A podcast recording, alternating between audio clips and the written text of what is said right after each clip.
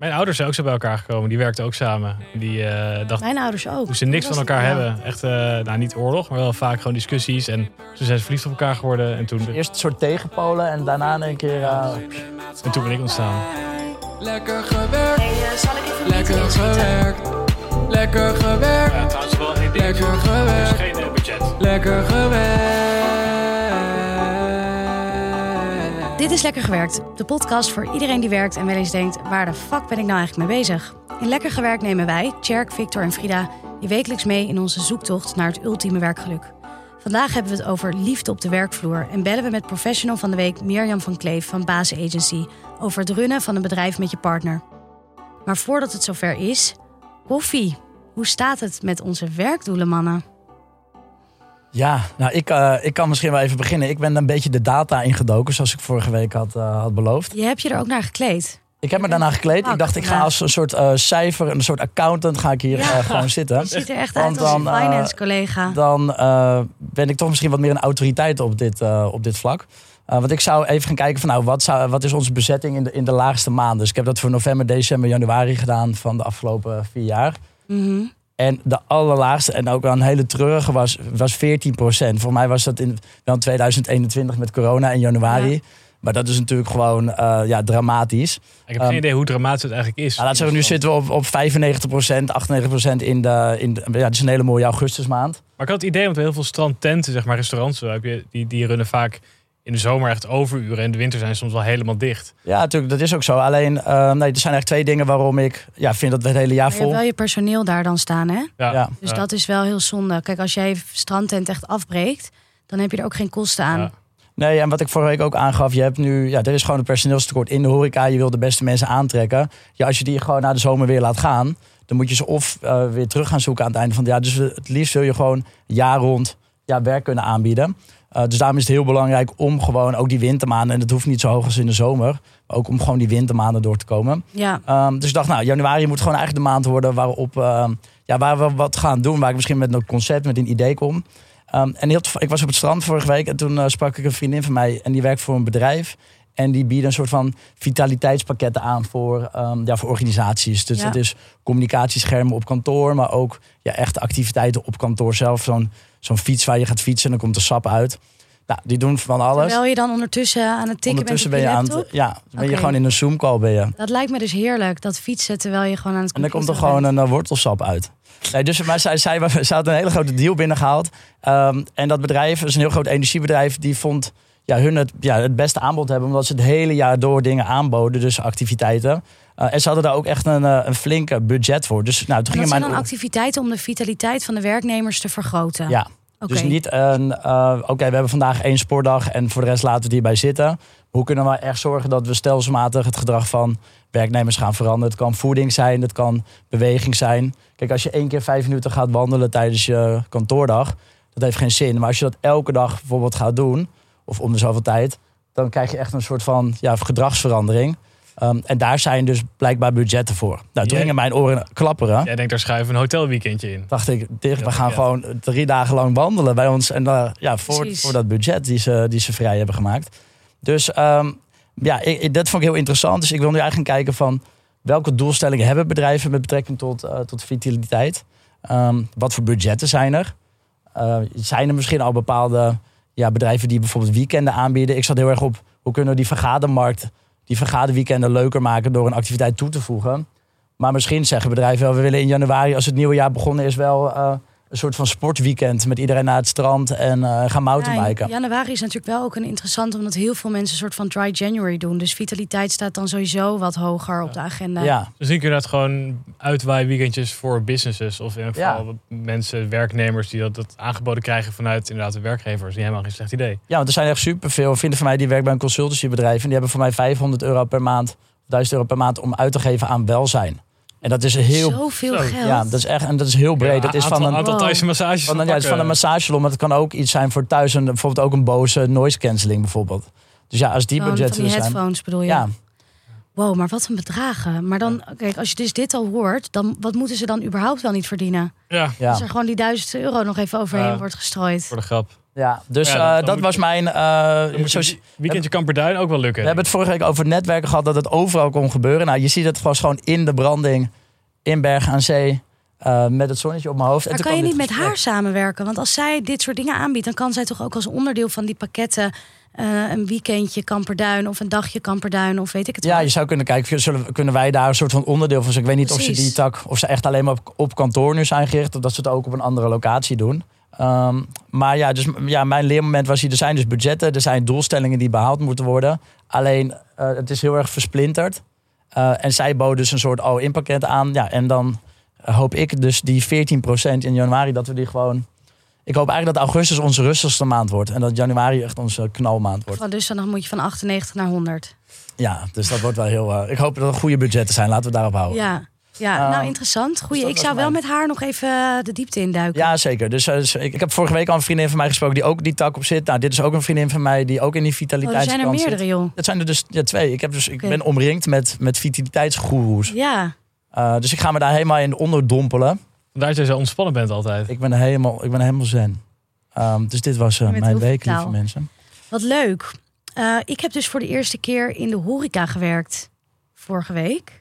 Heb je dat nooit gedaan? ik heb nog nooit in de horeca gewerkt. Ik vond het fantastisch, jongens. Ja, maar de eerste Niet keer is het altijd leuk. Maar wat heb je? Je Ja, moet in de afwas beginnen, hè? Ik heb op een festival gestaan. Oh, we gaan maar Eh, gelijk achter de bar beginnen. Achter de bar op een festival. Maar hoezo vind je dat heel... eh, is dat... En normaal als je in de horeca begint, begin je in de afwas. op in de je spoel, vijftiende. glazen ja, maar ja, nee, dat heb ik dus allemaal niet gedaan. Ik had vroeger andere bijbaantjes. En nu Ja. ben ik dus voor de eerste keer eh, overgehaald eigenlijk door vriendinnen om met z'n allen een bar te runnen op een festival. En ik vond het echt superleuk. En toen Heel dacht vet. ik, ja, wil ik eigenlijk niet gewoon één dag in de week in de horeca werken? Nou, zat ik daar een beetje over te fantaseren. Ook samen met mijn zus, die het ook heel leuk vond. En, Wat ehm, vond je het leukst aan? ik vond het heel leuk om eh, klanten te bedienen. En ik vind het ook wel leuk dat je echt zo aan het knallen bent. Van hup, dat pakken, snelheid. Weet je, je moet toch een beetje de boel draaiende houden. Het is de, er stonden ook best lange rijen. Ja. eh, Kreeg je daar, omdat het druk kreeg je daar stress van ook? Of? Nee, niet Als je, als stress. je het goed doet, staan er leuk dus geen lange rijen, hè, Frida. Nee. Oké, nou ja, goed. Dan, dan valt er nog eh, wat te leren. Dat is ook goed. En miste je het op het festival zelf staan? Of had je zoiets van, oh, ik sta hier, was met Nou, vriendinnen ik dus? moet wel eerlijk zeggen, het was een shift van vijf uur. En we hebben daarna nog de hele avond op het festival zelf gewoon lekker gestaan. Dus dat was niet per se dat we daardoor echt iets hebben gemist. Eh, maar ik vond, ik wilde het graag delen met jullie. Omdat ik gewoon dacht van, eigenlijk lijkt het me heel leuk... eh, om gewoon één dag in de week in de horeca te staan. En daar is toch een beetje een soort van... Altijd, de consensus daarover is dat doe je alleen als bijbaan... totdat je oud genoeg bent of, of eh, je studie af hebt gerond... en dan ga je een echte baan zoeken. Terwijl eigenlijk vind ik de horeca ook echt een vak. En ik vind dat daar te weinig aandacht eigenlijk Ik voor is. Van vooral hoe in de- mooi dat eigenlijk In de is. Randstad zo is. Wat ook natuurlijk niet heel gek is, want bijna iedereen die studeert, of tenminste heel veel mensen die studeren, die doen het als bijbaan. Dus bijna overal waar je gaat zitten in Amsterdam, word je ook bediend door studenten of staan studenten achter de bar. Maar En dat je merk je dorp- natuurlijk ook heel vaak. Omdat in principe vind ik de service in Amsterdam vaak echt heel slecht. Ja? Ja. maar als, je, dat dus altijd wel meevallen. Maar als je op de Oh. Veluwe of zo zit, of ook wel buiten de Randstad, meer op het platteland, dan zie je bijna altijd wel gewoon volwassen mensen in de, in de horeca. En in het buitenland is trouwens nog meer. Ja. Als je in Spanje of Italië zit, word je bijna altijd Ja. gewoon bediend door een die ober van oberkelners echt nog helemaal in pak van die Ja. Ja, en dat vind ik heel hebben. mooi. Dat er dus ook een bepaalde eh, waarde is. Zeg maar ook heel veel respect voor dat vak eigenlijk. En voor de mensen Ja. die dat vak uitoefenen. Ehm, dus nou, dat inspireerde mij enorm. Ik dacht, daar niet wat mee. Want je, want je benoemt eh, van, ik zou het wel leuk vinden om het één dag in de week erbij te doen. Is het een soort van hersenspins op dit moment? Of denk je van, oh nou, dat zou echt iets, echt iets kunnen zijn? Nee, het is nu nog een hersenspinsel, want ik ben eigenlijk de afgelopen week gewoon heel druk geweest met de podcast. Er is natuurlijk nu die extra interviewserie, daar heb ik gewoon allerlei opnames voor. Eh, dus dat kost veel tijd. En ik ben afgelopen week ook voor de eerste keer bij een loopbaancoach geweest. Dus ik ben ook heel veel tijd aan het stoppen überhaupt in zeg maar hoe mijn Ja. week er straks Ja. uit moet zien. Maar ik vond het gewoon heel inspirerend dat je eigenlijk, nou ik ben nu 31, dat ik iets nieuws kan proberen, wat heel veel mensen al hun hele leven letterlijk doen. Ja, maar ik denk een En dat ik er in één keer festivalshift achter kom. Een festivalshift van vijf uur met je vriendinnen is natuurlijk anders dan als je gewoon met een random collega om vier uur s'nachts een bar staat schoon te poetsen. Ergens Ja, in een kroeg. Maar het is wel leuk, want je zou ook één keer in de zoveel tijd dat je denkt, ook ga als je wordt gevraagd dat die drempel minder hoog is. Precies. En heel Ja. erg met je handen werken. En Nou, en er is een enorm tekort eh, in de horeca. Eh, dus Ja. ik zie heel vaak berichten komen van mensen uit mijn netwerk die eh eh, lieden zoeken om te komen helpen. Of Lieden. Ja, wat heel oudbollig. Ja. Ja. ik weet niet waarom ik daarop kwam. Maar ehm, Hoeveel gouden ducaten krijg je dan per uur? ja, dan krijg je de florijnen, drie Ja. florijnen. Maar ik, ik, want ik, ik hoor volgens mij iets hier. eh, want ik heb voor aankomende weken nog een paar eh, ja, gaatjes in het rooster. Mag ik jou als lead aanschrijven dan? Of ja, dat lijkt mij hartstikke leuk. Ik wil best wel een keer helpen, maar ik zou dan niet per se echt kamers schoon willen maken. Ik wil dan wel gewoon lekker barretjes runnen. Ja, jij begint bovenaan de voedselketen, begrijp Ja, ik. eigenlijk wel, ja. Kan dat? dat? mag. Ja, ja, mag, mag. Oké, top. Ah, Hey top. Fik, hoe was jouw week? Eh, ja, goed. Eh, Ik ben natuurlijk op die inkomsten gefocust, maar dat, eh, dat loopt op zich wel lekker. Eh, ik heb ook vorige week dus... Hoezo loopt dat lekker dan? Hoeveel verdien je dan nu? Eh, ja, ik, zit, ik heb nu voor deze maand heb ik het, zit ik, heb ik het wel rond hoor, mijn mijn doel. Maar Die ik moet- 2000, eh, toch? Vijf. Oh, vijf? Heb je dat nu rond voor deze Ja. maand, voor augustus? Ja, ja, dat is wel gelukt. Dit is de aflevering drie en hij heeft nu zijn doel al behaald. Ja, maar ik moet de volgende maand ook nog zien vol te Ja, oké. dus je moet, maar, moet je een soort gemiddelde dat het over de... Ja, Ah, ja. Maar je zei, je deed het van de zomer is super rustig en jij hebt gewoon nu al 5k omgezet en het is Ja, ik pas heb wel mooi- halverwege Ik augustus. heb een mooie knaller binnengehaald. Eh en daarnaast nog eh, drie snabbels. Nou, sowieso grappig. Ik heb trouwens vorige week ook mijn eerste Ik shock. masterclass. Hoezo? Gewoon, ik vind dat heel Goed. veel geld om in twee weken te Ja, verdienen. dat vind ik ook heel veel geld. Ik ben er, ben er heel blij mee. Ja. Ja. het, was natuurlijk ook wel een beetje aan het lopen voor de podcast. Het is niet in twee weken verdiend. Maar is dat dan voornamelijk van één klus? Eh, bijna wel. Eh, ik denk ongeveer drie, iets meer dan drie kaas van één klus. En dan, hoeveel tijd heb je daar aan besteed? Uurtje. Twee, twee, twee werkdagen. Super chill. Maar oké, Wow. vorige week heb ik dus ook mijn eerste masterclass gegeven. Ja, daar, zou ik weer, dat, daar ben ik Eh, benieuwd naar. Nou, dat was, ja, dat was, dat was, dat was leuk. Het was, eh, het was wel eh, 32 graden volgens mij. En het was op een zolder, zo, zo heel mooi op de Veluwe in Ede. Had je zo'n zo'n zo'n zolder in een soort oud gebouw. Was eh, ja, echt eh, leuk. En er kwamen allemaal mensen. En ik vond het heel raar dat er gewoon mensen kwamen uit Rotterdam daarheen... om dan een uur naar mij te luisteren. Wat ik echt gestoord vond. Eh, maar het was heel leuk om te doen, ondanks de hitte. Eh, Wat vond je er leuk aan? nou, ik vond het wel leuk om gewoon zo'n groep voor je te hebben en iets te vertellen. En mensen vonden het ook echt heel interessant en waren heel blij met die informatie. En, en waren helemaal inspired. En iedereen was heel actief, veel vragen. Eh, dus ik vond het wel echt, echt leuk om die kennis een keer te delen. Want toen, want toen je die aanvraag kreeg, toen zat je nog een klein beetje, niet, ja, niet eh, te bescheiden, maar dat je een beetje het gevoel had van, ja, hoe kom ik daarover dat ik wel mijn informatie wil delen, maar niet van, ik ben nog maar eh, 27 en ik kom hier even jullie vertellen Ja. wat het, eh, Ja, hoe het moet. ah, nee, eigenlijk, ja, toen daar was echt geen seconde meer over nagedacht. Eh, ik, ja, het ging gewoon, Ging goed. ging, ging gewoon prima. En het is ook leuk, want ik werk natuurlijk gewoon altijd in mijn eentje. Ik heb het nooit met mijn vriendin natuurlijk wel eens gewoon over mijn werk zo. Maar ik heb niet elke dag mensen waarmee ik praat over de dingen die ik denk of voel bij mijn werk. En dus het voelde ook een beetje als Wij niet? soort- nou ja, ook soms. Maar ik zie jullie ook niet veel of vaak. En vaak gaat het over de podcast en over andere dingen. Maar je hebt natuurlijk niet zo'n soort iets waar je echt in detail over alles met TikTok praat. Ja, je bedoelt op het de inhoud van je werk, zeg Precies, maar. Ja, ja, waar het- jij natuurlijk heel geïnspireerd over bent. Eh, en over dat algoritme en zo van TikTok, wat ik natuurlijk heel interessant vind. Dus het voelde eigenlijk bijna ook eens als een soort uitlaatklep voor mij om een keer gewoon helemaal te vertellen van hoe ik denk dat het zit en hoe je daarmee om moet gaan. Heb je er zelf nog dingen uitgekregen of, of, of dingen van geleerd? Eh, ja, ik heb natuurlijk wel een paar dingen die ik aangepassen, die, die ik toe ga voegen. eh, maar ik bedoel ook van, van het gesprek eh, met, met die mensen allemaal. Er zijn bepaalde inzichten ook uitgekomen dat je denkt, oh, ik heb hier ook nog wat aan gehad. Of was het voornamelijk de andere kant op? Nee, maar ik vond het wel leuk om te zien. Want we hebben natuurlijk eerst een uurtje theorie gedaan. Daarna een opdracht gedaan waar zij een half uur aan hebben gewerkt. En ik vond het wel echt leuk te zien. Om te zien, want ze moesten dan met, voor een bedrijf een soort TikTok-campagne bedenken. Eh, en de dingen die ze hadden bedacht waren gewoon wel echt leuk. En ook weer andere invalshoeken. Dus dat is voor mij ook eh, ja, sowieso een hele leerzame ervaring. En ik zit er ook over te denken om nu inderdaad dit soort cursussen of masterclasses eigenlijk eh, aan te gaan bieden. Ook aan bedrijven bijvoorbeeld. Bij wie ze in de marketingafdeling of bij een creators misschien wat meer over TikTok willen weten. En hoe je daar mee moet gaan als bedrijf. Ja. En hoe ga je dat nu aanpakken? Ik wacht op de foto's. Heel veel mooie foto's van mij gemaakt. Dat ik voor het groepje sta. En dan ga ik een eh, mooi LinkedIn bericht schrijven. Eh, kijken wat er dan gebeurt. En als er heel weinig uitkomt, ga ik misschien wel proactief eh, bedrijven benaderen. Maar ik wil beginnen met een eh, LinkedIn post. Jij hebt duidelijk al geluisterd naar het interview van vorige week met eh, LinkedIn-expert Roel Willemsen. Zeker. Heel veel eh, informatie uitgehaald. Hartstikke mooi. Wat vind ik in godsnaam goed personeel? Ik zal even een meeting inschieten, guys. Ja, nee jongens, wacht even. Deze week ging ik ook weer op zoek naar gevraagd advies. Ehm, want naast de reguliere afleveringen van Lekker Gewerkt... hebben we dit seizoen ook een extra interviewserie met experts... die tips delen om ons werkende leven leuker en beter te maken. Die komt elke week op woensdag in de lucht. Deze week heb ik gesproken met Corine Kolen over liefde op de werkvloer. Corine schrijft als journalist onder andere voor de Volkskrant... al meer dan 15 jaar over de liefde... en heeft dus ook heel veel liefdesverhalen op de werkvloer voorbij zien komen... Eh, en ik ga met haar gesprek over de do's en don'ts je moet je grote liefde ergens tegenkomen. Ik ben hem zelf ook op mijn werk tegengekomen. Oh ja? Bedenk ik me nu, ja. Oh joh, en hoe is dat gegaan? Eh, ja, hij was bij hoofddirecteur, maar dat was nog in het lang, lang voor het MeToo-tijdperk. Toen kon dat gewoon allemaal nog. En eh, hij was mijn hoofddirecteur en ik liep stage. Ja, zo is het. Oh joh. Ja, joh.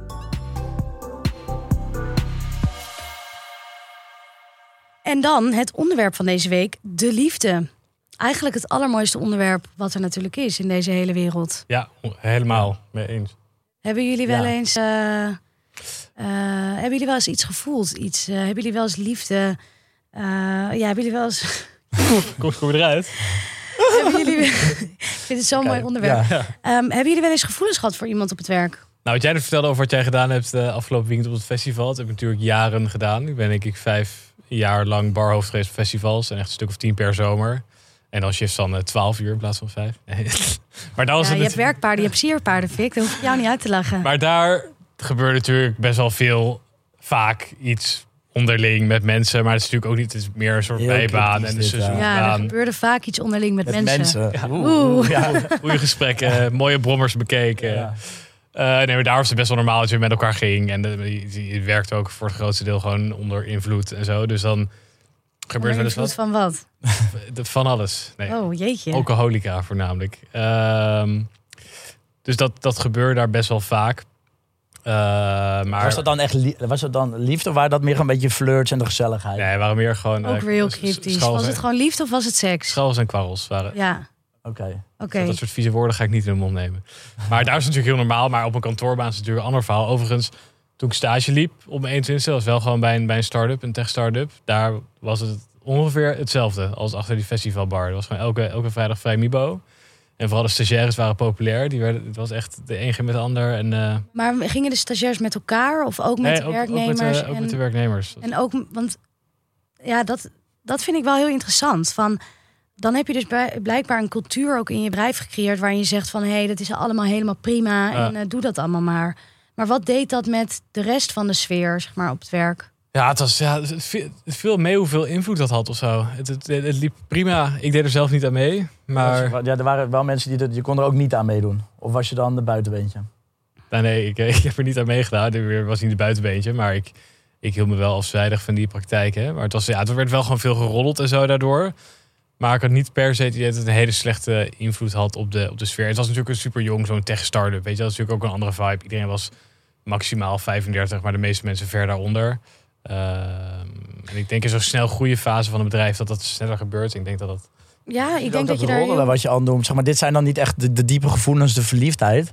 Maar dit kan bijna nog schadelijker zijn. Ik denk dat iedereen maar met elkaar doet. Je, je creëert een soort van roddelpool. En, Ja. eh, Dat denk ik ook, want eh, als het alleen gaat over inderdaad met elkaar naar bed gaan of een keer met elkaar zoenen op de vrijmibo of weet ik veel wat, dan, ehm, dan is er ook, dan staat er niet heel veel op het spel, want dan vind je het dus blijkbaar allemaal niet belangrijk. Tenzij natuurlijk één iemand het wel heel belangrijk vindt Ja. of daar iets mee wil en de ander niet. En de chillen met die stagiairs, stagiairs is natuurlijk... Die Dat gaat, vind ik ook niet zo netjes. Ik ook niet, maar die gaan natuurlijk wel weg na vijf maanden. Dus dat is natuurlijk ook wel een, een factor waardoor er wel slim om dan snel met de lange te termijn gaan. precies problemen. Ja, maar ik vind het ook, het is ook tricky business, toch? Ja, nee, zeker 100%. Ik, ik, ik zou het ook eh, zeker afraden binnen. Maar, ge- maar niet echt, je bent nooit echt verliefd geweest of een relatie gehad. Dus met een, eh, Ik ben nooit echt verliefd geweest op een collega. Jullie wel? Ik wel. Ja, ik wel. Oh. Ja. bij Ja? de, bij de Bij de biergigant. biergigant. Nou, het is grappig, want ik was... Nee, niet bij de Biergigant. Ik was zelf stagiair bij, een, ehm, bij Microsoft, bij een groot techbedrijf. En ehm, nou, daar had ik toen al vrij snel... Ik ging daar een half jaar stage lopen. Ik was een jaar of 22 of zo, denk ik. En toen zag ik iemand in de rij staan bij de koffie. En die vond ik gewoon super leuk. Gelijk, ik dacht, nou, wie is dat? En toen nou, raakte ik echt door, door hem aan te kijken. Van, ja, door eigen gehoor. Ik, ik had al van vrienden gehoord dat er iemand werkte die eh, mijn vrienden ook via via een beetje kende en zo. En toen ik hem zag, dacht ik, ja, dat moet hem zijn. Want ik vond hem gewoon heel leuk uitzien. Toen raakten we aan de praat en eh, nou, toen ehm, hadden we een keer eh, een koffietje gedronken op werk. Nou, wat was hij van jou? Zeg maar, Wat was zijn verhouding? Was hij had niks team? met mij te maken. En dat is natuurlijk wel het Ja. voordeel ook van in zo'n groot bedrijf. Dat er heel veel mensen zijn die in principe helemaal niks met elkaar van doen hebben. Nou, eh, zo ver je horizontaal uit elkaar staat inderdaad, hoe, Precies. hoe beter het is. En het ding is wel, kijk, hij was wel gewoon een vaste werknemer en ik was een stagiair. Dus dat maakte het wel, als ik daar nu op terugkijk, denk ik, oh, daar hadden mensen iets van kunnen vinden. wisten mensen ook? Ehm, Of is het, hoe is, het iets geworden eigenlijk? Is nou, ja, dus we gingen, ehm, eh, we gingen koffie drinken op het werk en toen hebben we een keer buitenwerk een biertje gedronken. En toen daarna waren we eigenlijk gewoon eindeloos aan het chatten op zo'n interne eh, chatfunctie, weet je wel, van zo'n Skype of zo. Ja, ja. En eh, dat was gewoon ook heel slecht voor mijn productiviteit. Want ik vond hem zo leuk. Ja, ik was de hele dag met dat chatprogramma bezig. Hij had gewoon uit En hij ook. En we hebben ook op een gegeven moment allebei ehm, we maakten ook grapjes van, oh, zou de IT-afdeling ook meekijken, weet je? Want je weet natuurlijk helemaal Ja, niet wie kan dat eigenlijk allemaal zien. Toen op een gegeven moment stond de IT-man soms voor de deur. Nee, nee, ja, goddank niet. Deze Maar mensen hoeven niet, hebben niks met elkaar te maken en die zijn de hele dag aan het chatten. Dat is alarmbel. Ja, en hij, ehm, eh, hij heeft op een gegeven moment ook voor ons zeg maar de, de chat eh, pop-up zeg maar geblokkeerd. Want ik had wel eens gehad dat ik met mijn eh, stagebegeleider dan zat. Nou, dan kwam er weer zo'n pop-up op van eh, ja, die en die is jou weer aan het berichten. En dan keek zij mij zes- ook wel een beetje aan van hm, met wie. eh, Met zes hartjes en aubergines. En, eh, nee, dat, en dat niet. Dat was toen ook nog niet eh, de trend. Het is zo lang geleden. Maar waarom deed je dat? Moest je dat echt nog met woorden doen? maar waarom deed je dat op die tool? Ga gewoon appen met elkaar. Hoezo moet dat dan via die... Maar je had toen nog geen webapp. Hè? Hoe oud ben jij? Ja, ik ben 31. Dit, was, eh, dit is bijna tien jaar geleden. Wow. Kunnen Ja. Dus, ehm, en uiteindelijk is het echt een relatie geworden. En eh, hebben we het echt een tijd heel leuk met elkaar gehad. En daar heeft, heeft hij heeft dat uiteindelijk ook wel verteld op werk. En eigenlijk werd er heel positief op gereageerd. En ik denk dus ook dat een aantal mensen het wel door hadden. Maar die hebben daar gewoon nooit iets van gezegd. En wij wilden zelf ook vooral niet dat het uitkwam. Dus wij Wat, waren wat, zelf... wat voor je, waarom wilde je dat niet? Ja, ik had gewoon iets, zoiets van... eh, dan lijkt het alsof ik hier ben om een jongen op te pikken of zo. Terwijl ik was ook heel serieus en ambitieus eh, over die stage eigenlijk. Hoewel, als ik nu net mezelf voor praten over dat chat... Heel ambitieus. Chatten denk ik, dat valt mee. Nee, maar eh, over het algemeen was ik dat natuurlijk wel. Maar dus Ja. we gingen bijvoorbeeld met z'n tweeën met de trein naar werk. En dan gingen we in de trein niet naast elkaar meer zitten. Omdat we daar ook heel vaak collega's tegenkwamen. En Maar dat maakte ook die, die, die geheimhouding, maakte dat het ook nog spannender? Want Ja. ik kan me voorstellen dat, dat, dat het dat nog leuker nou, maakt. dat is het wel ook met werk van. Je brengt ook je beste zelf naar werk. Je zorgt dat je er verzorgd uitziet. Je bent, je, je- bent scherp, weet je wel. En je, je- Volgens ga je wel de hele dag lopen slekken. nou ja, maar ik bedoel meer van. Ja. Het is een reden om op elkaar te vallen ook. Want Ja. op die werkplek ehm, ja, brengt iedereen zijn beste zelf. En dat is natuurlijk heel aantrekkelijk. Ja. In dit geval denk ik ook, dit is een, ja, het merk zoals een groot bedrijf. Je zit in een, in, een, in een department waar je niet zo heel veel met elkaar te maken hebt. Eh, je hebt best wel andere functies. Ik denk dat het dan niet echt een probleem moet zijn als je, als je een relatie met elkaar hebt. Ik denk als je meer echt in een soortzelfde projectteam zit. Of je, je, je hebt echt veel met elkaar te maken. En je zit drie keer per week met elkaar in een meeting. Dat is een heel is- ander want- verhaal. Het, het is eigenlijk grappig, want eh, ik heb ook een beetje ge- gegoogeld van waarom waar worden mensen op elkaar verliefd eh, op de werkvloer. En dus omdat je heel veel tijd met elkaar doorbrengt. Precies. En allemaal verschillende emoties doormaakt. En je, je ziet elkaar echt superveel. Dus dan op een gegeven moment is het, ja, kan het zijn dat je in één keer op elkaar verliefd bent. Maar in dit geval vond jij hem gewoon leuk. En, en ja, ik je zag vond- hem toevallig het is op niet werk. omdat je heel lang intensief hebt samengewerkt. En dat toen het echt na maanden of zo in één keer de vonk nee, over. nee, Liefde klopt. op Dat is helemaal gezicht. niet. Want dat is het gevaar volgens mij. Of ja, als je met elkaar samenwerkt, dat je dan zo intensief en dan leuk. En, eh, Ja. en dat je in één keer na maandenlang denkt, oh, er is iets. Nou, dat is wel heel interessant. Want ook in het extra interview eh, dat ik voor deze week heb gedaan met Corine Kolen, die heel veel schrijft over liefde in zijn algemeenheid, maar ook daardoor heel veel met mensen heeft gesproken over liefde op werk, ehm, noemt zij ook een voorbeeld over iemand die dus inderdaad op zijn werk, of iemand die op haar werk iemand ontmoet en in het begin denkt van nou, dit is helemaal niks voor mij. En na maanden intensief samenwerken, boem, denkt ze opeens, oh, ik ben smoor verliefd op deze persoon. Mijn Ja. ouders zijn ook zo bij elkaar gekomen. Die werkten ook samen. En die eh dachten Mijn ouders ook. hoe ze niks van elkaar hebben. Echt, eh, nou niet oorlog, maar wel vaak gewoon discussies. En aan de andere kant van elkaar. Maar op een gegeven moment waren ze naar Italië met een soort van uitje. En toen En want zij waren allebei docent, Docent, toch? toch? allebei docent. Ja. Ja. Maar mijn moeder, ze komen van de vrije school. Mijn vader was eh Nederlandse geschiedenis. Gewoon een soort van normale vakken. Mijn moeder was eurythmie-docent. Ik weet niet of jullie dat kennen, maar Ja, dat is zo'n speciale dansen, toch? Vrije uitbeeld, schoolse toch? dans. Eh, dus mijn vader vond haar maar een beetje een zweefteef. Maar uiteindelijk is het toch in Italië. Ze zijn ze verliefd op elkaar geworden. En toen... Dus eerst een soort tegenpolen en daarna een keer... Ja, eh, het blijkt. En toen zijn ze langer gebleven met z'n tweeën in Italië. En toen En- ben ik ontstaan. En hoe hebben ze dat met de werkgever eh, georganiseerd? Dat, dat weet ik niet meer. Dat weet ik niet meer hoe dat, eh, dat is gegaan. Ja, want als je natuurlijk op hetzelfde level zit, maar je hebt ook nog eens heel veel met elkaar te maken, dan kan het natuurlijk ook best wel vervelend zijn voor de rest van het team. Dat dan twee uit het team, zeg maar, Ja. een hele speciale band eigenlijk hebben met Ja. elkaar. Ja. Je krijgt een soort van ehm, ja, voortrekgevoel. Van, oh, eh, dat je diegene wordt voorgetrokken of, oh, is het niet zo? Ja, Dan, dan hebben mensen het gevoel. En, je- of je moet het dan juist het tegenovergestelde gaan doen, maar dan benadeel je eigenlijk de ander weer. ja. Dus het lijkt me heel krampachtig als je echt een, een afhankelijkheidsrelatie of in een team werkt. Je ouders hadden jij- het ook, zei je. Ja, mijn ouders hadden het ook, ja. Maar daar, ja, weet je, het is ook interessant. Want vroeger was er natuurlijk veel minder gedoe over dat eh, stagiair versus eh, werknemer of dat soort dingen. Omdat er nu natuurlijk door MeToo is daar veel meer, en ik denk ook dat dat heel terecht is, is er veel meer aandacht op dat Ja. soort eh, eigenlijk machtsverschillen komen te Grappig liggen. inderdaad, want als je net aan mij vraagt inderdaad, hoe mijn ouders het toen hebben verteld, volgens mij was dat ook geen ding. Ze waren gewoon een beetje met die school bezig. Dat was nog best wel klein. Ze waren een soort van aan het oprichten met een groep van 20, 30 docenten. Volgens mij was iedereen gewoon, oh wat leuk voor jullie. En zijn ze gewoon weer verder eh, aan de slag gegaan. Ik kan me niet voorstellen dat, dat iemand daar... Dat het helemaal een ding was. Nee. Want nu, je, nu Frida, nu je dit ook zegt met- binnen, eh, met de MeToo, binnen Booking had je altijd ja, posters en video's hoe je je wel en niet moest gedragen.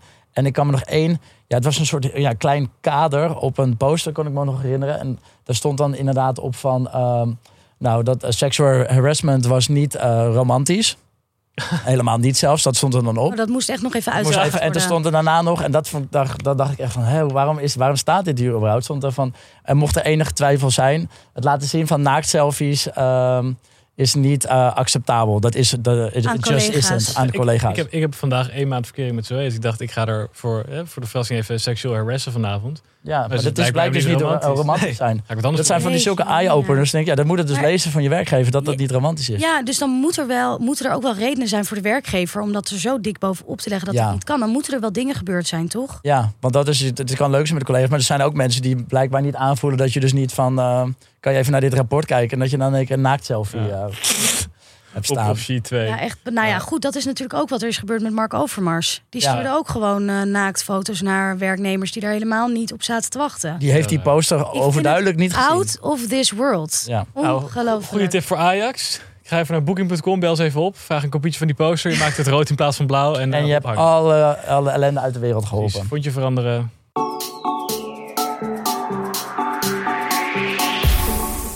Hey, en ik heb deze week een DM gestuurd aan het Probeer de Bond. Hm. Want Jij bent Ik- verliefd een beetje op Cherk. Je vroeg je af hoe je daarmee om moet gaan. Moet ik hem eruit zetten? nee, ik ben, ehm, eh, keer, ja. ik ben niet verliefd op Tjerk en ook niet op jou, Fik. Maar ik was wel heel erg benieuwd. Hoe zit het nou met de implicaties van een verliefdheid op de werkvloer? Kan een werkgever zomaar tegen jou zeggen... hey, eh, jij bent verliefd op eh, Pietje of Klaasje geworden... dus eh, daar is het gat van de deur. Daar is het gat van de deur. En eh, je mag vertrekken. En het Probeer de Bond is een onderdeel van eh, de vakbond CNV Vakmensen... En eh, het Probeer de Bond, dus de Insta, die richt zich specifiek op jonge werknemers en starters en studenten. Dus als je vraag hebt over werk, dan kun je die gewoon direct aan hen stellen via de DM. Dus als je een vraag hebt, doe dat zeker. Eh, zoals Frida deze week heeft gedaan. En wat, wat was jouw specifieke vraag deze week? Ja, mijn vraag was van, mag je werkgever jou zomaar overplaatsen naar een ander team of een ander filiaal als jij een relatie hebt met een collega? En eh, toen kreeg ik het volgende antwoord. Krijg je een snel antwoord Ik trouwens? kreeg heel snel antwoord. Ja, het ging echt. Ik had die DM gestuurd en een half uur later, geloof ik, had ik het antwoord al. Ja. Oké, Ehm, Cherk speelt even Probeer de Bond. En mijn antwoord is: een relatie op de werkvloer mag. Want het heeft te maken met privacy en vrijheid van partnerkeuze. En dat is een grondrecht. Maar als het consequenties heeft op de werkvloer, mag je werkgever zich er wel mee bemoeien. Bijvoorbeeld bij klachten van collega's, effecten op resultaten of invloed op de werksfeer. Het moet dus wel een gegronde reden hebben en elke situatie is natuurlijk Ik anders. vind het wel interessant, want dit betekent dus ook dat je als collega, als je daar last van hebt, dus iets van kan zeggen en dat dat dan ook eh, consequenties kan hebben. Wat misschien juist Ja. wel fijn is als het dus een vervelende situatie is. Ja, en vaak staat er dus ook iets over je contract... wat heel veel mensen ook niet weten of snel overheen lezen. Ik heb dat nooit gezien in een contract, dus dat vind ik wel een interesting one. Ja, en good to know. Dus ook met dit soort dingen, hè, over liefde op de werkvloer... en al je andere vragen, ga naar het Probeer de Bond en eh, ze helpen je. Ja, want ik dacht eerst dat altijd hele saaie, een beetje stoffige vragen waren. Maar het kan dus ook over dit soort onderwerpen gaan. Ja, zeker. Nee, ze kunnen je echt bij alles helpen. En eh, ze zitten gewoon op Insta, dus je kunt in de DM sliden. En eh, daar zitten ook heel veel tips en tricks over werk en inkomen. Dus ga ze volgen.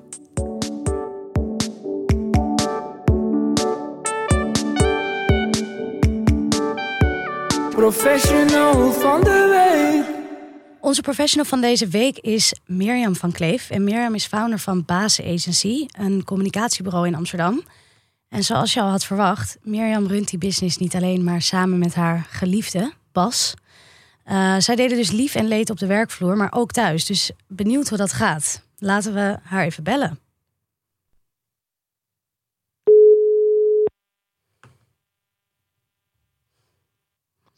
Met Mirjam? Hey Mirjam, je spreekt met Frida van Lekker Gewerkt. Hey, hallo. Hoi, hey, wij zitten hier in de studio met z'n drieën, met Vic, Tjerk en mijzelf. Hey, hey. Goedemiddag. Ja, hi. Goedemiddag. En wij hadden vernomen dat jij eh, samen met jouw geliefde een, eh, een business draaiende houdt. Dat klopt. Ja, dat klopt. Met mijn man. Ja, en ehm, nou, voor veel mensen klinkt dat waarschijnlijk als een nachtmerrie. Eh, en ik ben heel erg benieuwd eigenlijk van, hoe zijn jullie daarop gekomen? Ja, die reactie krijgen wij trouwens ook heel vaak hoor van mensen. Dat ze zeggen, god wat een nachtmerrie dat jullie dat samen doen. Maar voor ons is het absoluut geen nachtmerrie. Ehm, ja, het is, hoe het begonnen is. Eigenlijk ehm, waren wij allebei aan het freelancen. En ehm, we hebben het nu over elf jaar geleden inmiddels alweer. En wij zaten allebei freelancend tegenover elkaar aan de keukentafel. Want wij waren al op dat moment zes jaar uh, geliefdes. Ja, En eh, wij zaten tegenover elkaar te freelancen. En het eh, grap is dat eh, mijn man is niet zo heel erg goed eh, met cijfers. En eh, ik wel, dus hij had altijd aan mij gevraagd: zo, goh, hè, als ik dan ga freelancen, wil jij dan niet ook een beetje mijn boekhouding doen? Want dat kan jij zo goed. Toen dacht ik, nou prima, doe ik ook jouw boekhouding erbij. En ehm, toen wij zeg maar zo eens een halfjaartje aan het freelancen waren, gingen wij ineens heel veel opdrachten samen doen. Omdat ik Want wat deden jullie uit- voor eh, opdrachten? Ja, ik kwam eigenlijk uit, eh, ik deed PR, doe nog steeds PR. En Bas, eh, mijn man, eigenlijk meer de eventskant en de activaties, komt bij, uit de reclamewereld. En wat wij gingen doen was dat we eigenlijk gevraagd werden voor opdrachten voor PR waar een event bij zat. En dan deed ik de PR en dan vroeg ik Bas van, hey, zou jij dan dat event willen produceren?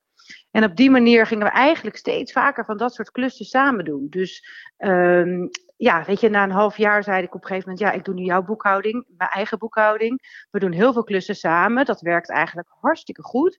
Zullen we dit gewoon niet onder één naam gaan doen? En zo is eh, Baas, ons bedrijf, eh, ontstaan. Nou, ik heb in elk geval één goede tip gehoord. Zoals de boekhouding uitbesteden aan je, aan je vriendin. Die ga ik, Ja, mee- die ga ik precies. meenemen naar huis. Ja. Hey, maar ik kan me voorstellen dat, eh, dat veel mensen hun mening klaar liggen als je vertelt dat je met je, met je geliefde dan ook werkt. Eh, heb je, krijg je soms rare reacties van mensen of dat ze, dat ze een mening erover hebben? Ja, kijk, weet je, iedereen. Het is heel wisselend, want wij komen ook wel eens mensen tegen die ook samenwerken. Maar de, de, de gemiddelde reactie die we krijgen is: Wow, wat knap dat je dat met je partner kan. Ik moet er niet aan denken. Grappig ook. Is hè, dat mensen ook knap? Zo, ja. Ja, mensen vinden het dus knap dat wij dat samen kunnen. Want kijk, je moet, je wel, je moet er wel bij stilstaan. Je bent 24-7 samen, hè? Ik Ja, bedoel, wij hebben een relatie en we werken in een bedrijf fulltime. En als je eigenaar bent van een bedrijf, dan werk je gewoon fulltime plus. Want je bent altijd met die zaak bezig. Dus ja, dan, dan het beheerst wel heel erg je relatie. En dat moet je wel kunnen. Dat moet je ook leuk vinden Want dit- samen. Dit klinkt ook best wel eh, ja, heftig. Maar wat zijn nou echt de grootste voordelen die je voelt eh, door samen met Bas te, te werken? Wij maken echt beslissingen in een second. Omdat wij het. Kijk, wij zijn heel erg. Het werkt heel goed tussen ons, omdat wij allebei in hele andere dingen heel erg goed zijn. En daardoor elkaar heel erg aanvullen. Ehm, maar wij kunnen echt. Ja, de beslissingen voor ons bedrijf, die kunnen we gewoon in een, in een seconde maken. We hoeven daar helemaal niet mega over in discussie. En we, we maken soms wel eens beslissingen als we in bed liggen, bij wijze van spreken. En komt het ook omdat jullie dan met elkaar eens zijn? Of eh, vertrouw je de ander ook op zijn of Ja. haar oordeel? Het heeft heel erg met vertrouwen te maken. Ja. En ik vind het heel leuk, hè. Wij zijn echt nog steeds heel erg verliefd op elkaar. En ik vind Dat het vind gewoon ik zo heel erg knap. leuk om... Ja, ik vind het heel erg leuk om met hem te werken. En ik ben heel trots op hem als ik hem dingen zie... voor elkaar zie boksen en zo. Dat vind ik gewoon heel... Dat, het geeft ons... Kijk, ook dat... Wij hebben een heel succesvol bedrijf. Dat heeft ook... Dat succes heeft ook een weerslag op je relatie. Op hoe je je voelt. En dat je dat samen dat succes doet. Dat is te gek. maar tegelijkertijd eh, heb je het misschien ook altijd over de zaak. Want bijvoorbeeld als je op vakantie gaat, ben je dan ook de hele tijd over werk aan het lullen? Nee, wij hebben wel één regel. Op vakantie zijn we man en vrouw. Oh ja, en lukt dat altijd? Je- Nou, eh, negen van de tien keer lukt dat heel goed. Eh, we hebben het ook echt, proberen het ook echt niet over werk te hebben. Alleen ja, soms hebben we wel eens een, eh, een hangmat-sessie, zoals we die dan noemen, op vakantie. En dan gaan we ergens in een hangmat liggen op een strand. En dan gaan we het hebben over de toekomst van ons bedrijf. Wij evalueren elk jaar op vakantie. eh, evalueren we onze relatie, maar ook eh, ja, ons bedrijf daarmee natuurlijk. En dan vragen we elkaar ook echt, vinden we het nog leuk? Willen we dit nog? Gaan we door? Vind ik echt geweldig. Klinkt gewoon als een performance review. Klinkt heel gezond. Maar het lijkt me ook Ja. wel lastig om tegelijk op vakantie te kunnen. Of zo. Als je samen echt... eh, Dat is heel, dat is heel rot. Dat Ja. is heel rot. Ik moet zeggen, dat is het enige Wat me heel erg tegenvalt, maar dat heeft ook te maken met, kijk, wij hebben natuurlijk een, een, een relatie op de werkvloer, maar we zijn ook echt nog eens de eigenaar. En dat betekent eigenlijk dat we ook altijd samen op vakantie zijn. Dan zijn, nou, dan zijn de twee eigenaren weg. Ja, Dus, heel, veel, ehm, heel veel taken zijn er dan te verdelen. Ja, dus wij zijn wel heel vaak, als we op vakantie zijn, gaat de laptop wel altijd mee. Ja, ja be- begrijpelijk. Want ik ga nu dan eh, ja, het, het zwartste scenario misschien eh, eh, schetsen nu. Maar wat, wat gebeurt er? Hebben jullie een stappenplan klaar liggen als jullie toch onverhoopt uit elkaar gaan? Of Ja, dat stappenplan is, we gaan niet uit elkaar. Dat is eigenlijk het... oké, het is eh, één- gewoon één stap. Vind ik een hele mooie Ja. Gewoon één grote stap. optimistische, Ja. eh, mindset. Nee, maar goed, kijk, weet je, dat, daar hebben we het natuurlijk ook wel over. Daarom zeg ik ook, wij evalueren elk jaar. Wij evalueren elk jaar, vinden we het nog leuk? Willen we dit bedrijf nog? Ehm, eh, vinden we onze relatie nog leuk? Vinden we elkaar nog leuk? Ja, het kan gebeuren dat we op een gegeven moment uit elkaar gaan. Maar ik denk wel dat wij zo'n goede basis hebben... dat we dan de zaak nog steeds kunnen behouden. ja. Nee, dat vind ik eigenlijk een hele mooie... Vind ik Om een af mooi te sluiten, statement, ja. maar ook wel misschien ergens slightly naïef. Dat als je uit elkaar gaat, dat je denkt dat je dan nog die toko goed kan runnen. Want het lijkt me hartstikke ingewikkeld.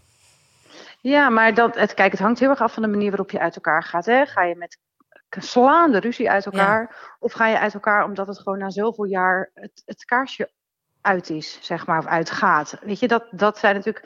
Weet je, op het moment dat je elkaar als broer en zus zou gaan zien, bijvoorbeeld, wat zou kunnen gebeuren als je heel lang bij elkaar blijft, bent... ehm, ja, dan kan je misschien juist zeggen: hé, hey, we blijven gewoon hele goede vrienden. en We blijven zakenpartners, maar op liefdesgebied ga ik het ergens anders zoeken. Ja, dat kan. Dat kan op een hele respectvolle manier.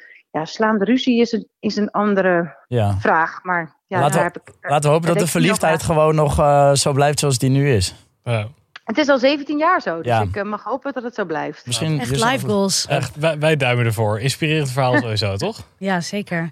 Hey, heel erg bedankt Mirjam. Ehm, nou, ik denk eh, inspiratie voor iedereen die erover nadenkt om met zijn partner een eh, bedrijf te beginnen. Nou, ik, ik heb Dankjewel. net verkering, dus ik denk dat de mooie volgende stap volgende week misschien wel... eh Kan ze goed boekhouden, weet Nieuwe je business, nieuwe business ja, oprichten. samen nou, het ook openen. ik zou het aanraden. Ik vind het hartstikke leuk. Geweldig. Fijn, dankjewel. Alright, Dankjewel. Doeg. Doei.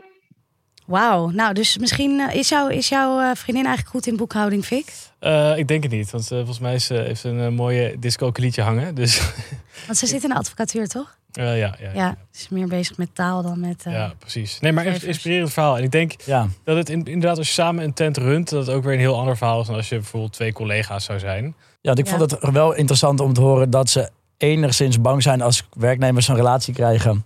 Dat ze dan uit elkaar gaan, maar daar was ze bij hunzelf eigenlijk helemaal niet bang voor. Nee, Dus ik dat- denk, ja. Nou, ik denk ook dat ze, in- dat ze in hun hoofd hebben, hè, als het, mocht het uitgaan, dat ze wel meer van die broer-zus eh, verhouding eh, uitgaan. Eh, en ik geloof ook wel, als je 17 jaar bij elkaar bent en het gaat soort van soepel, dat dat eigenlijk een scenario dat je echt slaande ruzie krijgt. Als je al 17 jaar, 24-7 samen bent en samen business hebt gerund, dat dat eh, niet gaat gebeuren. Ja.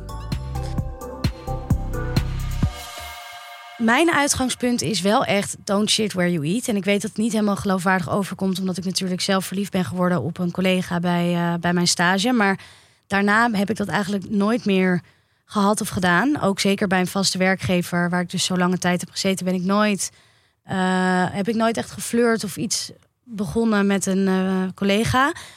En ik denk gewoon ook echt dat dat heel erg onhandig is. Wat vinden jullie Ja. daarvan? Nou, ik denk, hè, don't shit where you eat. Kijk, als jij in één department werkt, hè, zoals het bijvoorbeeld voor jou en die, die persoon waar je dan een beetje mee gaat, werkt in een ander department. Dan heb je daar niet geshit, maar het ruikt daar natuurlijk nog wel een beetje ernaar. Hè? Dus kan dat dan wel. Ik denk, hoe verder je horizontaal uit elkaar staat, hoe beter het is. En ik denk dat je verticaal dan kan juist... je het niet meer ruiken, bedoel je? Precies, ja. Hoe, hoe, meer, hoe, verder, hoe meer deuren je letterlijk verder zit in het kantoor, hoe meer, hoe meer je de kak ruikt. Eh, en ik denk wel ook dat als je, als je verticaal is, hè, van baas tot stagiair, zeg maar, dat je daar juist niet te veel afstand in moet hebben. Ja, stagiair denk ik eigenlijk überhaupt niet aan beginnen. Kijk, als werknemer en stagiair, die leeftijden liggen vaak gewoon Ja, je hebt ook een bepaalde elkaar. verantwoordelijkheid als denk ik ook Maar met een bedrijf. baas en een stagiair, Ja, nee, precies. Nee, maar ik dat denk vind als, niet als, kunnen. als bedrijf heb je een soort van eh, verantwoordelijkheid naar zo'n stagiair ook. Je bent echt een soort van bijna school nog eigenlijk voor zo'n precies. eh, maar stagiair. En dat- Wat, wat enige wat hier niet helemaal naar voren komt, is alsof het een soort van bewuste keuze is van ik word wel of niet verliefd op die collega. Je bent er de hele dag mee aan het werk en in één keer denk je na een tijdje, ook al zit je in een relatie van holy fuck, ik ben verliefd op deze persoon Ja. en dat gaat niet weg. Ja. Het is niet van, oh nee, ik ben hier nu, ik word verliefd. En het is niet, als het je het overkomt je. Dat is wel waar. Maar is bijvoorbeeld bij ehm, de biergigant had je op een gegeven moment een best wel hoge manager. En die is toen een relatie begonnen met de junior. En die waren gewoon letterlijk in het materiaalhok met elkaar Oh. iets aan het doen. Dit was voordat ik daar kwam. Maar dat was echt gewoon zo'n verhaal Ja. van wow, Ja, dit is ja, ja. gebeurd. En zij zijn uiteindelijk... Nee, volgens mij moest zij uiteindelijk eens vertrokken. Dus die junior is vertrokken. Eh, en volgens mij zijn ze wel nog steeds bij elkaar. Zij heeft een jaar lang gratis pils gekregen en toen mocht ze, moest ze weg. Ja, via de achterdeur eh, naar buiten. Maar ze zijn nog wel bij elkaar. Oké. Dus dat vind ik daar wel heel nice aan. Van dan is Ja. het echt de liefde en niet een soort van domme Nee. actie of zo. Nee. Maar Ja, het was alsnog wel een domme actie om in het materiaal. Nou ja, als je leuk je hebt wel de keuze hoe je ermee omgaat. Ja. Dus je hebt misschien niet altijd de keuze op wie je verliefd wordt, maar hoe je ermee omgaat en wanneer je het vertelt en wat voor dingen je doet in het geheim. En Afhankelijk zo. van de situatie dit is, is, natuurlijk... dit is positief afgelopen, maar ik ben ook gaan nadenken, wat vind ik hier nou van als, als werkgever? Ja, En op het begin was het heel, ehm, nou, heel positief. Eigenlijk wat jij ook via net omschrijft bij, bij Microsoft. Van je, je, je komt mooi binnen, je hebt er helemaal zin in. Dus je dacht ook werkgevers worden bij, op elkaar verliefd. Die komen helemaal blij naar het hotel, trekken het mooiste pak aan. Die zijn het fluitend, gaan ze door de gangen. Ik dacht, dat is helemaal top. maar kunnen ze zich wel concentreren op hun werk? Ja, weet je, dat is uiteindelijk... Ze maken ook kamers schoon, krijg je dat soort dingen. Van waar blijven ze? Oh ja. Maar toen eh, ging ik iets verder googlen ook van werkgever had ik toegevoegd. En toen kwam er een soort doemscenario omhoog. Want er kwamen allemaal blogs met, van advocatenbureaus... die dan tips en tricks hadden opgeschreven. En nou, we hebben het net al benoemd. Maar je mag er dus niks van zeggen. Het gaat zelfs tot aan de grondwet en Europees Verdrag voor de Mensenrechten volgens mij. Dus het zit behoorlijk diep geankerd. Dus je kan daar als werkgever niet zoveel tegen doen.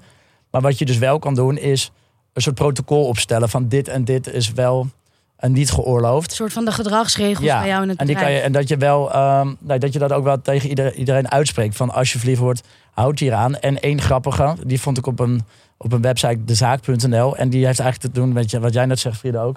Is het surfgedrag vooral hierin meenemen. Want heel veel mensen de hele dag te e-mailen en te chatten zonder. En dat je dat vooral aan banden moest leggen. Dus ik vond het een beetje een apart voorbeeld. Maar blijkbaar ja, Nee, is dit ja, dus echt ik denk dat dat heel erg belangrijk is. Want voor je het weet zit je de hele dag met elkaar te pingen en te appen en te doen. Ja. Ja. Ja. dan, en weet je, maar als het dus fout gaat, stel je voor dat je dat mijn leukste werknemster met een, met een, met een, weet je wel, lapsans bij ons in het hotel een, relatie krijgt. En op een gegeven moment gaat het uit en dat zij er vandoor gaat.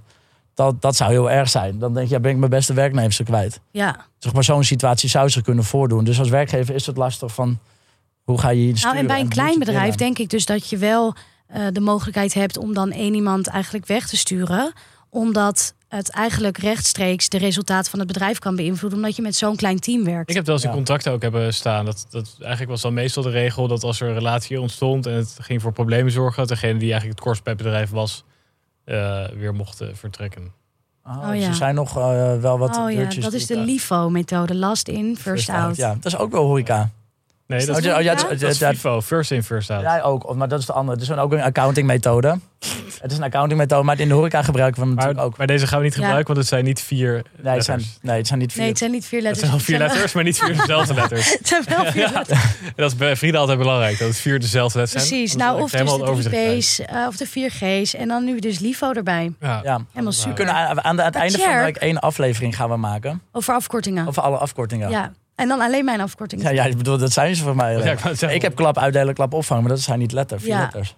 De Hey. KUKO. Tjerk, bij jou zijn er natuurlijk allerlei relaties op de werkvloer. Want jij doet het met je familie. nou, Nou, Laten we werken even duidelijk zijn.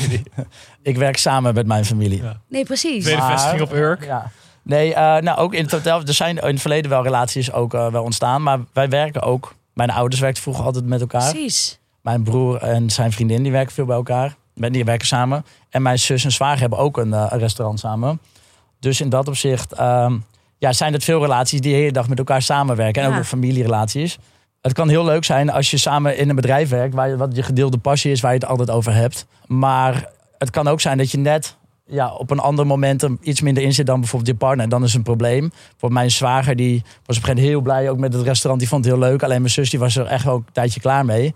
Ja, die blijft dan voor hem. Maar dan, ja, dan krijg je wel een soort van disbalans, denk ik, ook in je, ja, in je relatie kan het opleveren.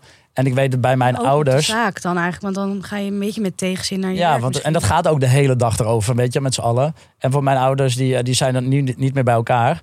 Maar die, ehm, ja, mijn moeder wilde op een gegeven moment ook rustiger aandoen. En mijn vader, die, ja, die was toen net ook dat restaurant eh, erbij begonnen. Dus ja, dan heb je allebei een andere afslag genomen. En dan heb je in dat opzicht wel een groot probleem. Ja, je hebt eigenlijk niet alleen je, rela- je relatie om mee te dealen, maar ook ehm, in hoeverre sta je nog achter dat je überhaupt in die zaak zit. Ja, en dat dus je kan in een relatie, gewoon een, een liefdesrelatie, zit je er soms net iets anders in. Als er nog een lading in komt dat je daar ook misschien op het bedrijfsniveau anders in zit, kan het nog meer frictie mee, eh, meebrengen. Ja, inderdaad, tot Ja. een van de twee stopt. Want eigenlijk hebben we tot nu toe best veel gehad over ja, wat doe je als je samenwerkt. Maar ja, als eentje daarmee stopt, kan het natuurlijk ook weer een hele rare invloed hebben op je, op je, op je relatie zelf. Ja. Zoals bij mijn een ouders. andere verhouding krijgt ook weer. Mijn moeder is niet meer actief dan in, de, in, het, in het bedrijf. Ehm, maar die is nog wel gewoon aandeelhouder. En ik ken ook wel andere ja, restauranteigenaren, die hebben dat ook zo. Die zijn uit elkaar, maar die hebben het bedrijf nog wel. Dus het Oh ja. moet kunnen. Alleen, ja, je moet daar wel, denk ik, ja, je moet goede afspraken over duidelijke maken. afspraken maken. Ja. Ja. Wat hebben we geleerd eh, vandaag, jongens? Ga er alleen voor als het ook echt serieus voor je is. Dus misschien een fling niet doen. Nee. En, en wees ook bewust van de machtsverschillen. Hè. Ben je de baas, ben je de stagiair, hangt het er tussenin? En is het hè, op basis daarvan wel echt een goed idee om iets met elkaar aan te gaan? Klinkt van niet namelijk. Nee, meestal niet. En eh, heel belangrijk, geniet van het geheim, want dat kan heel leuk zijn. Maar wacht ook niet te lang met het informeren van al je collega's. Al je collega's of gewoon je leidinggevende. Ik heb eigenlijk naar er een meeting voor het al en dan zo'n e-mail Oké. met een naakt selfie. En samen een bedrijf beginnen met je partner kan een goed idee zijn. Maar zorg dat je elk jaar een hangmatsessie plant. waarin je bespreekt of je nog door wil. En last but not least, duik niet samen materiaal ook in. Want dan heeft iedereen het waarschijnlijk acht jaar later nog steeds over. Dit was Lekker Gewerkt, een podcast van Dag en Nacht Media. Volgende week zijn we er weer en hebben we het over de carrière switch. Wanneer is het juiste moment? Misschien is het juiste moment wel nu. Maar hoe bereid je je voor? Lekker gewerkt voor nu en deel. Lekker gewerkt voor nu en deel deze podcast natuurlijk met al je vrienden en collega's. Doei! Lekker